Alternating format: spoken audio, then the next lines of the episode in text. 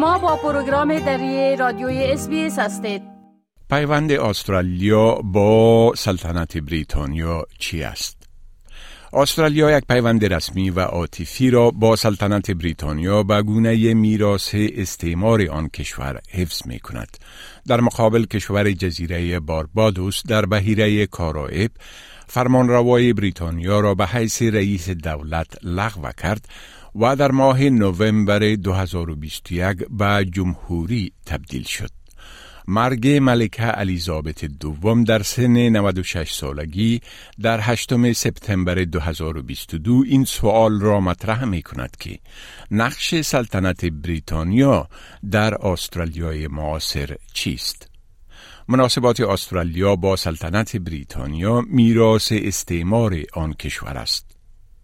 کمبل رودز محقق موزیم دموکراسی استرالیا در کمبرا می گوید که استرالیا به حیث یک مستعمره بریتانیا بسیاری از رسوم و سنن آن کشور به شمول شیوه حکومتداری و نظام شاهیش را به آریت گرفته است. Australia was founded as a colony of Great Britain, and so it has borrowed or adapted many British traditions, including in the government. And one of those is the monarchy. بنان پادشاه یا ملکه بریتانیا رئیس دولت استرالیا هم است. الیزابت الکساندرا مری وینزر از زمان آغاز سلطنت او در فبروری سال 1952 ملکه بریتانیا و چهارده قلمرو کامنولت یا مشترک المنافع بود. الیزابت دوم به حیثی طولانی ترین فرمانروا در تاریخ بریتانیا خدمت کرد. با مرگ او پسرش چارلز پادشاه شد. او اینک سلطنت خود را به عنوان پادشاه چارلز سوم آغاز کرده است. همه کشورهای مشترک المنافع کشورهای مستقل هستند که قوانین و حکومات خودشان را دارند.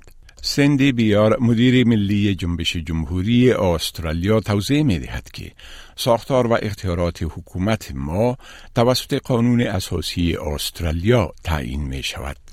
Australia has a written constitution and it's a law that governs all other laws. And the most senior person in that constitution is the Queen or King of the United Kingdom. And that person is called our head of state. And because our head of state lives on the other side of the world, they appoint a representative to Australia who acts on their behalf, who is called the Governor General. شاه چارلز به حیث پادشاه ما رئیس دولت استرالیاست. جودیت بریت استاد متقاعد سیاست در پوهنتون لتروب می‌گوید که به همین دلیل ما استرالیا را یک سلطنت مشروطه می‌دانیم. The head of state is in a sense a ceremonial position. They don't have executive power. whereas it's the head of the government that has the executive power. So there's a division between the symbolic head of state that stands for the unity of the country and the head of the government, which is open to competition. از پادشاه در استرالیا گورنر جنرال در کمبرا و یک گورنر در هر یک از پایتخت های ایالتی نمایندگی می کند. کمبل رودز می‌گوید که پادشاه مستقیما در اداره روزمره استرالیا دخیل نیست و تأثیر مستقیم دیگر بر جامعه اقتصاد یا حکومت استرالیا ندارد. but does take an interest and is very well briefed on Australian matters. It's very much as an advisor and a confidant of prime ministers rather than anyone with direct influence. گورنر جنرال توسط ملکه یا پادشاه با پیشنهاد حکومت استرالیا تعیین می شود. او در واقعیت به حیث معاون پادشاه یا ملکه در استرالیا خدمت و همیشه به توصیه حکومت منتخب به نام پادشاه عمل می کند. Once upon a time, they were appointed by the British government, but over time we have changed that and evolved. So now the Australian government makes the appointment. It is simply a matter of the government or the cabinet choosing the person that they want, which often means the Prime Minister choosing the person that they want, and then the Queen will approve the appointment. Usually for five years, but often that term will get extended. سندی بیار میگوید که گورنر جنرال هم مانند پادشاه در اداره روزمره حکومت دخالتی ندارد. They do have important responsibilities Every time a law is passed by Parliament, every time we want to go to an election, it needs the representative's approval.